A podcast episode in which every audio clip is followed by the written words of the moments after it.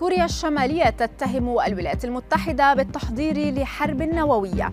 بيع نقود مصرية مزورة على فيسبوك يثير ضجة واسعة. غضب في الأردن بعد وفاة مواطن نتيجة قطع الكهرباء عن منزله.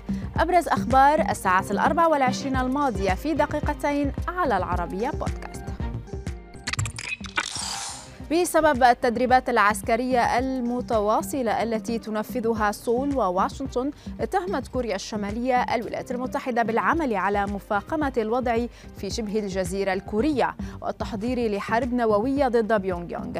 وكالة الأنباء المركزية في كوريا الشمالية نقلت عن بيان لوزارة الخارجية مفاده بأن واشنطن ستدفع الثمن إذا تم استخدام القوة ضد بيونغ يونغ مشيرا إلى أنه لا توجد مناورات عسكرية في أي مكان بالعالم بمثل هذه العدوانية من حيث توقيتها ونطاقها ومحتواها مثل التدريبات العسكرية المشتركة والمتهورة بين واشنطن وسول على حد وصف البيان. بعد جدل واسع اجتاح مواقع التواصل خلال الأيام الماضية في مصر عقب عرض أموال مزورة للبيع على صفحة في فيسبوك. أعلنت وزارة الداخلية ضبط التشكيل العصابي المتخصص في بيع هذه الأموال.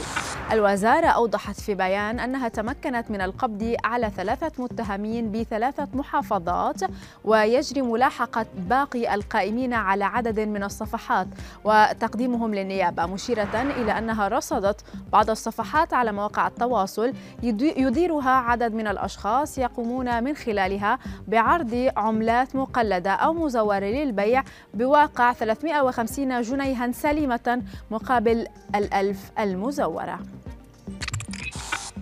إلى الأردن هذه المرة حيث أشعلت وفاة مواطن في مدينة إربد شمال البلاد غضبا بين الأردنيين على مواقع التواصل عقب قطع التيار الكهربائي عن منزله. زوجة ابن المتوفى أوضحت للعربية أن والد زوجها كان يعيش على جهاز الأكسجين لأنه مصاب بسرطان الرئة مؤكدة أنها اتصلت بشركة الكهرباء. ورجت الموظف المسؤول أن يعيد الكهرباء. شارحة له الظروف الصحية لوالد زوجها إلا أنه رفض طلباتها المتكررة. فيما فصلت الشركة التيار بسبب عدم دفع الفاتورة فلفظ الرجل أنفاسه الأخيرة بعد بضع ساعات عن عمر يناهز ال 65 عاما. فيما بدأ الإسرائيليون فعليا التصويت في الانتخابات العامة الخامسة خلال أربعة أعوام. أظهر مقطع فيديو متداول رئيس الوزراء السابق بنيامين نتنياهو وهو يوقظ بعضا من مؤيديه من نومهم داعيا إياهم إلى الذهاب للتصويت له.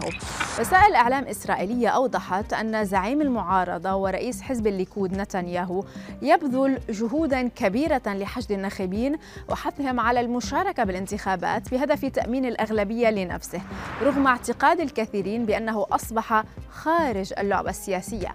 فيما قال نتنياهو إن معسكره متقارب مع منافسه المعارض بعد ثلاث ساعات من بدء الاقتراع لانتخابات الكنيست.